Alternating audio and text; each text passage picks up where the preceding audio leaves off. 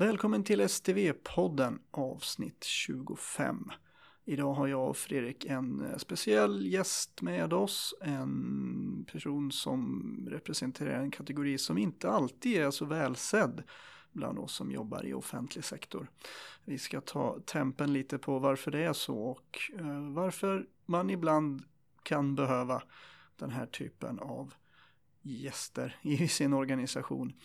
Eh, vi ska även prata lite om transformeringen. Vad är problemen? Vilka är de största utmaningarna? Och vad är egentligen good enough i ett så här pass stort projekt? Hoppas ni får en bra lyssning. Tack! Eh, då prövar vi där. Hej Fredrik! Hej! Det är varmt idag.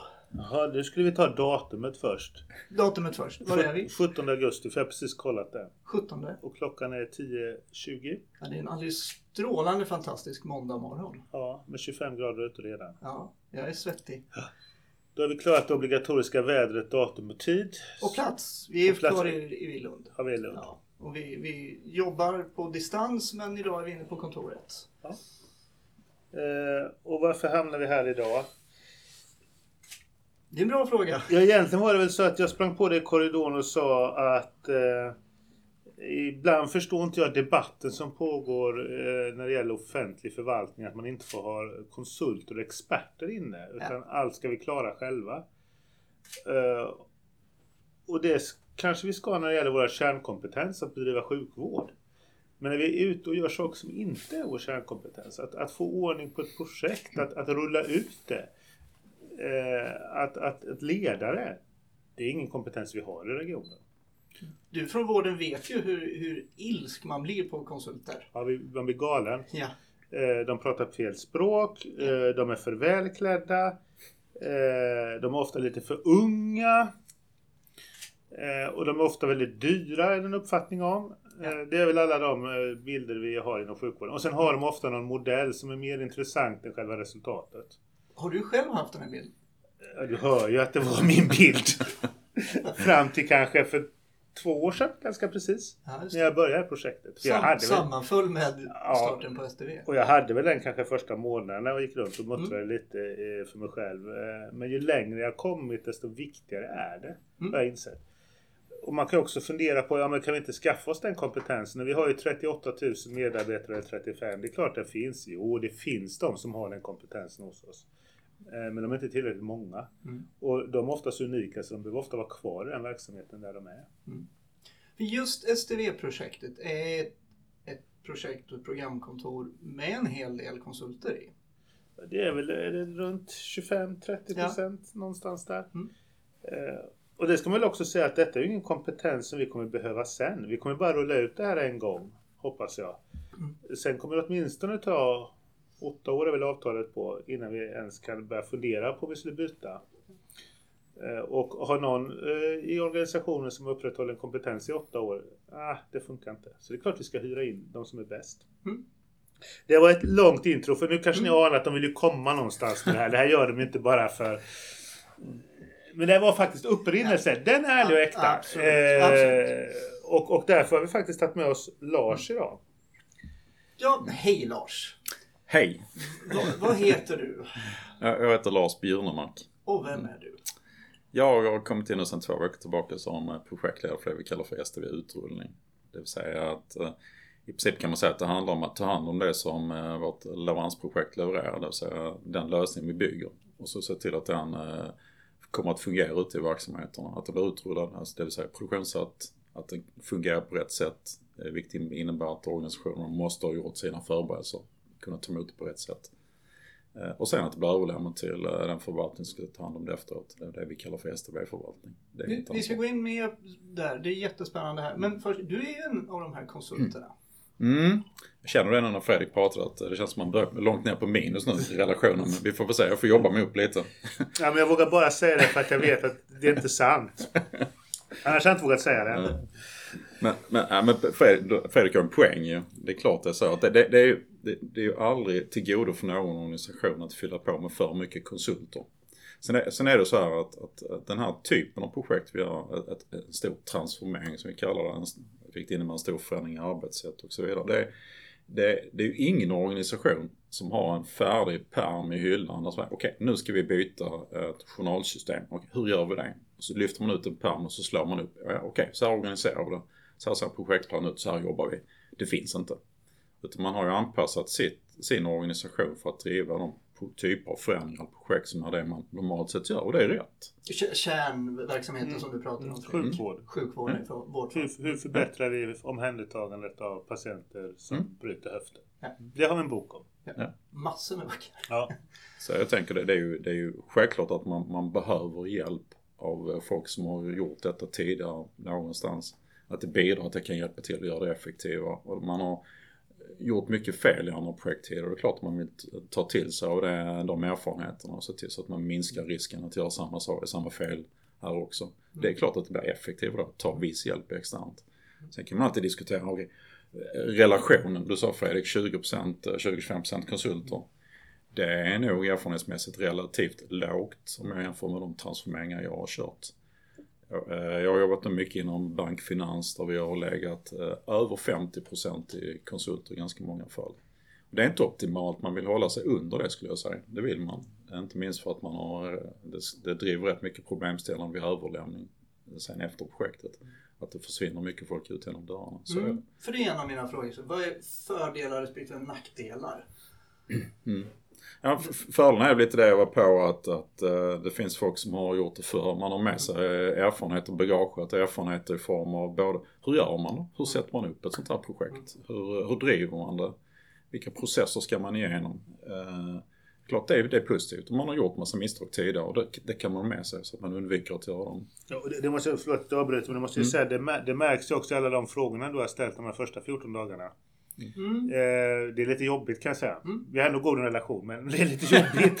för det, för det, det blottlägger ju det som eh, i vissa fall funnits i mitt huvud, funnits i någon annans huvud. Men vi har aldrig liksom, eftersom inte vi vet hur vi gör riktigt så har vi mest gått runt med massa klumpar i magen. Mm. Eh, och de klumparna börjar nu liksom lösas upp och bli något vettigt av. Mm. Och det är väl just för att du har gjort så många mm. gånger. Man, hör, man hör direkt på frågorna. Ja, just det. Mm. Det har vi funderat på. Men det var så jobbig den frågan så vi la den. Mm. Att titta på vid ett annat tillfälle. Mm. Eh, och det köper inte och det är bra. Mm. Just, och det är den, den, stora fördelen, eller en av de stora mm. fördelarna. Man... Ja, när man kommer in med erfarenheten för då vet man ju vad man ska fråga och man har också lösningen på eller man har ju svaret ofta, åtminstone mm. modellen. Så här kan vi lösa ut den här frågan. Det brukar funka. Mm. Om man sätter lite perspektiv, ett sånt här projekt eller program. Mm. Det, det, är ju i princip som att köra ett medelstort svenskt företag. Det som gör det ännu mer spännande är att man ska i princip starta företaget, du ska bygga upp en organisation, du ska ta reda på vad du ska leverera, hur du ska göra, du ska bemanna hela, hela företaget inom citationstecken, se till att det blir levererat, lämna över det, sen stänga ner det. Och det ska du göra på ett fåtal år. Just det. Det, det är rätt tufft och, det, och, det, och det, det, man ofta hamnar i, det jag ofta säger det är att, att, att Ja, det är de många olika typer av frågor. Det jag kallar för vad-frågor, när-frågor, vem-frågor, hur-frågor och så vidare. Stora frågan ofta i de programmen, det är hur-frågan. hur i form av, hur ska vi jobba? I, det, det, I projektet? I projekt, ja. Mm. Det har man inte då i bagaget eller, eller med sig sen tidigare i organisationen. Och man fastnar ganska ofta i de frågorna. Det man, man lägger eh, för mycket tid på att diskutera hur ska vi göra detta? Istället för att få ett leveransfokus. Okej, nu levererar vi. Så det, det där, där kan jag känna lite att, ja, det hoppas jag då kunna bidra i utrullning med min erfarenhet. Så har vi gjort det tidigare, så här skulle man kunna göra här. Så skruvar man det och anpassar det här arbetssättet lite. Och så får vi fokus på att leverera saker istället. Dit vill man komma så fort som möjligt. Mm. Vad, vad, krävs det för att vara en duktig konsult? Extrem lyhördhet för hur en organisation fungerar och de människor som finns i den. Så man inte kommer in för mycket med, med vad ska man säga, som konsult och tycker att jag har gjort detta förr, jag vet hur man ska göra, nu får ni lyssna på mig. Alla organisationer är olika, alla människor är olika, man måste ha mycket fingertoppskänsla. Ja. Vad, vad krävs det för att ta emot en konsult? För det första måste man ju våga. Man kan ju inte börja som jag gjorde och beskrev det innan. Att man sätter sig på läktaren och undrar vad det är för, för galen människa som dyker upp. Det här, måste, här krävs det ju ett, ett mod skulle jag vilja hävda. Att också våga bjuda till. Visa ja. på Fan det här var ingen ordning på. Det, det här är, det är ett stort jävla svart hål. Eh, och våga stå för det och, och visa det hålet. Eh, för det är väldigt lätt att försöka liksom, nej men det det ska du inte bekymra dig över. Utan här måste man ha ett mod och, och verkligen vara generös kanske fel ord, men ja, generös med, med, både sin kunskap om den organisation man jobbar i. och, och den kulturen och de strukturerna som finns för att eh, annars finns ju inte en förutsättning att lyckas. Det här är ju ett extremt samarbete där, där någon kommer in med en faktakunskap, sakkunskap i hur man organiserar en utrullning. Och sen kan jag till exempel och många andra här stå för, ja men den här kulturen är vi, det ordet ska vi inte använda för det blir sjukvården galen på. Vi tar det här ordet mm. för då förstår de vad vi menar.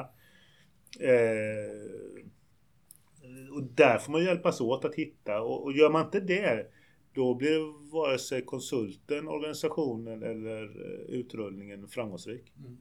Så det är egentligen samma sak eh, som kännetecknar en god konsult. Det kännetecknar en god eh, kund och samarbetspartner. För annars, mm. annars funkar det inte. Mm.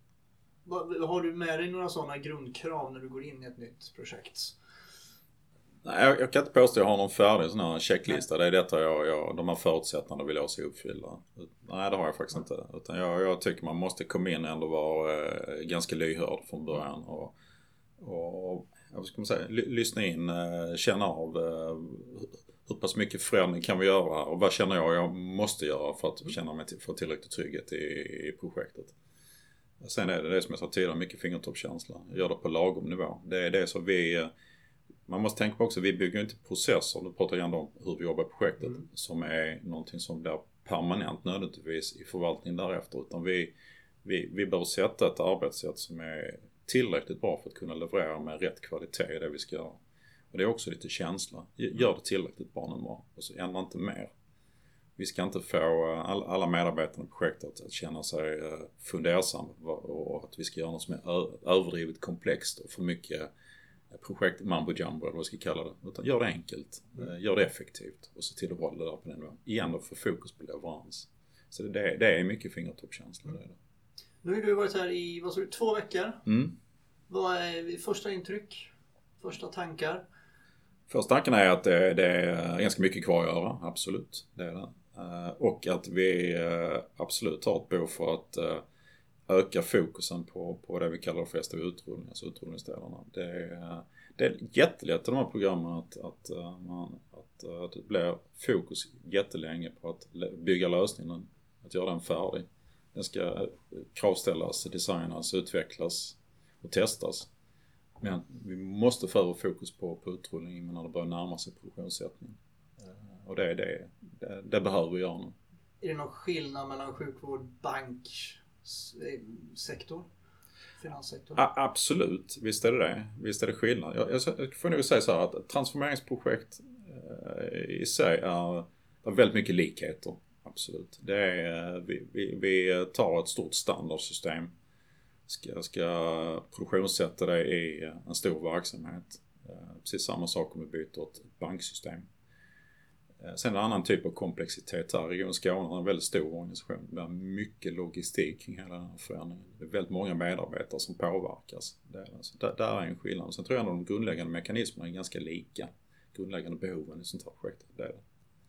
Jag tänker är rätt lika har jag insett. Eh, mm. För det märker jag på dina frågor. För, för bankvärlden är också sånt att det kan ju inte vara så att kunderna inte kommer åt pengar under 14 dagar. Mm. Eh, utan det måste funka. Mm. Och det är lite som sjukvården. Vi kan ju inte liksom stänga ner och säga att kom tillbaka om 14 dagar. Eh, så tänket mm. har jag märkt på dina frågor är mm. eh, obehagligt likt. För när man mm. hör bank och finans då får man liksom kalla kårar som eh, offentliganställd eh, kliniker och tycker det där kan aldrig... Mm. Eh, men det är galet likt. Det är samma krav någonstans och det är samma behov och det finns ett stort reglemente har jag insett i finans och bankvärlden. Vi har ett reglemente också med patientdatalag och hälso och sjukvårdslag. Men de är nog lite fluffigare skrivna. Inte PDR. Den är inte fluffigt skriven. Men en del av de här andra lagarna är mer generella. Tror jag. Men, men det är samma behov och, och samma ingång i det. Mm. Det måste funka. Och det jag tycker är lite intressant är det, det att det, det, alltså, Bankfinans är en sektor, sen har vi vårdsektorn. Men, men även transformering inom andra områden är, är ganska lika. Jag, jag kan ta ett annat exempel. Jag har en gammal kollega som idag är IT-chef på ett av Sveriges allra största fastighetsbolag. Eh, de har eh, olika typer av bostäder i sitt fastighetsbestånd eller, eller ja, hus. Bland annat hyresrätter. Eh, och han, han berättade för mig att uh, de ligger i framkant i Sverige att, att, bygga smarta hus. All nybyggnation det är ett smart hus idag. Det handlar både om ventilation och värme men även, även lägenheterna i sig med smarta hussystem. Nu håller de på att titta på att börja uppdatera sina befintliga hyresbestånd. Och då kan man fundera på det. Okej, okay, om vi har en, en, en hyresgäst eh, i en hyresbostad och så kommer fastighetsägaren och säger okej okay, nu ska vi implementera ett smart hussystem hos dig. Hur reagerar folk? Det, det är ju en transformering typ. Så. Då tror jag om man ska generalisera lite. Det finns tre olika typer av äh, grupper, reaktioner. Det ena är att de första tänker, nej men de, de bryr sig inte så mycket. De tänker, ja ja, det händer väl och då tar vi det då. De, de ignorerar lite. Den andra grupperingen tycker, ja men det här är skitspännande, äntligen, det här ska bli jättekul. Och så har de tusen frågor och så kommer de börja bomba på med frågor. Sen har de en tredje gruppering, de som blir livrädda. De som är, har en, eh, ingen datorvana, kanske inte ens har en smartphone. Hur ska jag kunna, hur ska jag, kan jag bo kvar överhuvudtaget? Och vad lär man sig av det? Ja, lite samma typ av frågeställningar finns i alla transformeringar oavsett organisation, oavsett bank, finans, vård eller vad. Person reagerar på olika sätt. Och vad vi får ansvar att göra det? Vi måste ju guida folk i detta, eller hur? Vi måste hjälp, hjälpa folk. För det första måste vi förstå att folk är olika och, och reagerar på olika sätt.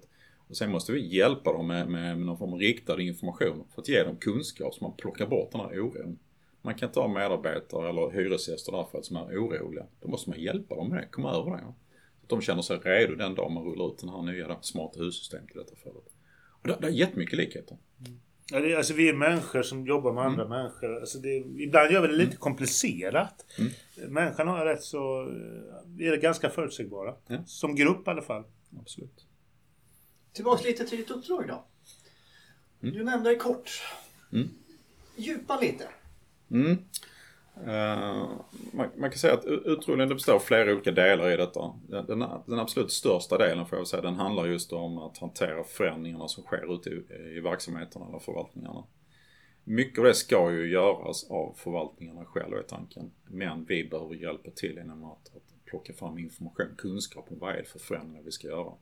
Vissa saker behöver vi hantera regionalt Eh, vissa saker är det kanske mer logiskt att hantera regionalt för att de är helt generiska för alla förvaltningarna. Men väldigt mycket behöver göras ute. Vi behöver hitta de samarbetsformerna, sätta det och se till så att förvaltningarna kan, eh, kan hantera det. Och där inkluderar jag då lite förändringstänk, just att hantera olika typer av personalkategorier. Det är liksom en stor del. Den andra riktigt stora delen är, är Go Live-planeringen. Det vi kallar för Go Live då, produktionssättning i sig. Eh, vi kommer göra väldigt många produktionssättningar Eh, och var och en av produktionssätten är ganska komplex. Det kräver att vi är redo ur alla perspektiv. Projektet är redo att göra det. Eh, många olika delar av projektet. Eh, de som ska ta detta i, i drift, alltså börja använda det, måste vara redo. Förvaltningen, det vi kallar för STV-förvaltning, måste kunna ta emot detta, vara redo att kunna förvalta det vidare. Det, det är ett stort sjok, ett stort arbetspaket också. Sen har vi ett antal andra arbetspaket runt omkring också. Vi ska jobba specifikt med att se till att, att mottagande förvaltningar, alltså eh, äh, STV-förvaltning som vi kallar det, äh, är redo att ta emot och att vi vet vad vi ska lämna över, att den processen är satt. Det har vi boxat in som en box också. Eh, sen ligger det en del kringliggande arbetspaket kring eh, migrering till exempel. Migrering är ju också intressant i den här typen av projekt. Det är data som lyfts över från det gamla systemet till det nya. Det blir alltid konsekvenser av det för verksamheterna som vi behöver omhänderta. Eh, och det kan också vara så att det behöver göras städningar i datan som man kallar det, korrigeringar i datan i de gamla systemen innan man går live. Eller saker som behöver hända i samband med att gå live, manuell registrering. Så det vill vi gärna få lite koll på också, att få in det i hela, hela vårt eh, förändringsarbete. Så att, ja, där är lite exempel på boxar som vi har inom STV utrullning. Men igen, lite som jag sa från början, totalt sett så ska vi egentligen ta det som eh, eh, utvecklas och är färdigtestat och se till att det fungerar ute i verksamheten, om man ska säga det enkelt. Det är det vi ska göra. På rätt tid, med rätt budget? Ja, definitivt. Mm, det är underförstått. Ja. Mm. Ja, för fasen. Och hur ska ni två lira ihop nu då? Ja, det kommer bli krig. Nej! Ja, vi, st vi stänger dörren bara. Ja. eh, nej, men det är det som är så spännande. Det här blir ju någonstans eh, där vi kommer med två olika kompetenser in och tillsammans på något sätt utifrån våra två perspektiv ska göra något där ett plus ett blir tre, fyra, fem kanske till och med. Nu har vi, delar vi rum och har gjort det i 14 dagar men eh, det här kommer bli fantastiskt. Och det är också en ynnest, jag tror jag har sagt något annat poddprogram, det är en ynnest att vara i den här miljön och lära sig. Jag har en, fan min skrivbok är full men det är inte av sånt som har med projekt att göra, det är sånt jag har lärt mig. Berätta inte det för någon. Men, men alltså man lär sig fantastiskt mycket och, och just det här att, att få, få, få, få tillsammans jag får lära mig men jag får också dela med mig. Så här fungerar sjukvård. Så här jobbar vi. Så här tänker vi. Eh, så här drivs beslut fram och så här implementerar vi beslut. Eh, jag, För du är kliniskt ansvarig utrullning? Ja. Mm. Jag brukar säga att jag är Lars Tolk i landskapet vi är i. Mm. Vad är det de säger egentligen? Mm. Och sen ska jag lära mig att tolka vad Lars säger så att jag kan översätta det till verksamheten. Det han menar är egentligen. Eh, för då tror jag det här kommer bli riktigt framgångsrikt. Mm. Vad är största utmaningen Fredrik? Min... Eh, tiden. Komplexiteten och tiden. Jag har varit rätt cool och tyckt att ja, men det, vi hinner nog där, det är gott om tid. Men fan en vecka går jävligt fort. Eh, och vi rusar fram här nu. Det är ett skenande tåg. Och, och, samtidigt ska vi då lägga rälsen medan det här tåget skenar framåt. Eh, så, så, det är nog min, min största oro och, och farhåga. Det liksom, hinner vi det här? Och orkar vi göra det eh, tillräckligt bra? Vi ska inte göra, vi ska inte göra eh, det behöver inte vara guldpläterad utrullning. Men det ska funka. Vi måste göra det här på rätt nivå. Hur känns det som kliniker? Det, det kan man ju inte säga i vardagen. Nej, och det här är jättejobbigt. Som kliniker gör vi, alltså vi kan ju inte säga till patient, jag tar bort blindtarmen, okej okay, bra. Det går inte, man måste göra det på bästa sätt. Och det här strider ju helt med det sättet vi fostrar, hur jag är fostrad. Man har aldrig hjälpt en patient okej. Okay, eh, utan man hjälper den till det yttersta man kan.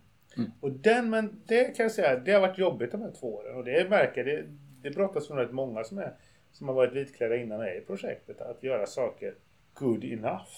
Vad fan, det går inte att göra good enough. Säg det till en patient. Jag sydde ihop din skärskada det är okej, okay, det håller nog. Det går inte. Det ska vara det mm. bästa, annars gör man det inte. Och det, det är jobbigt.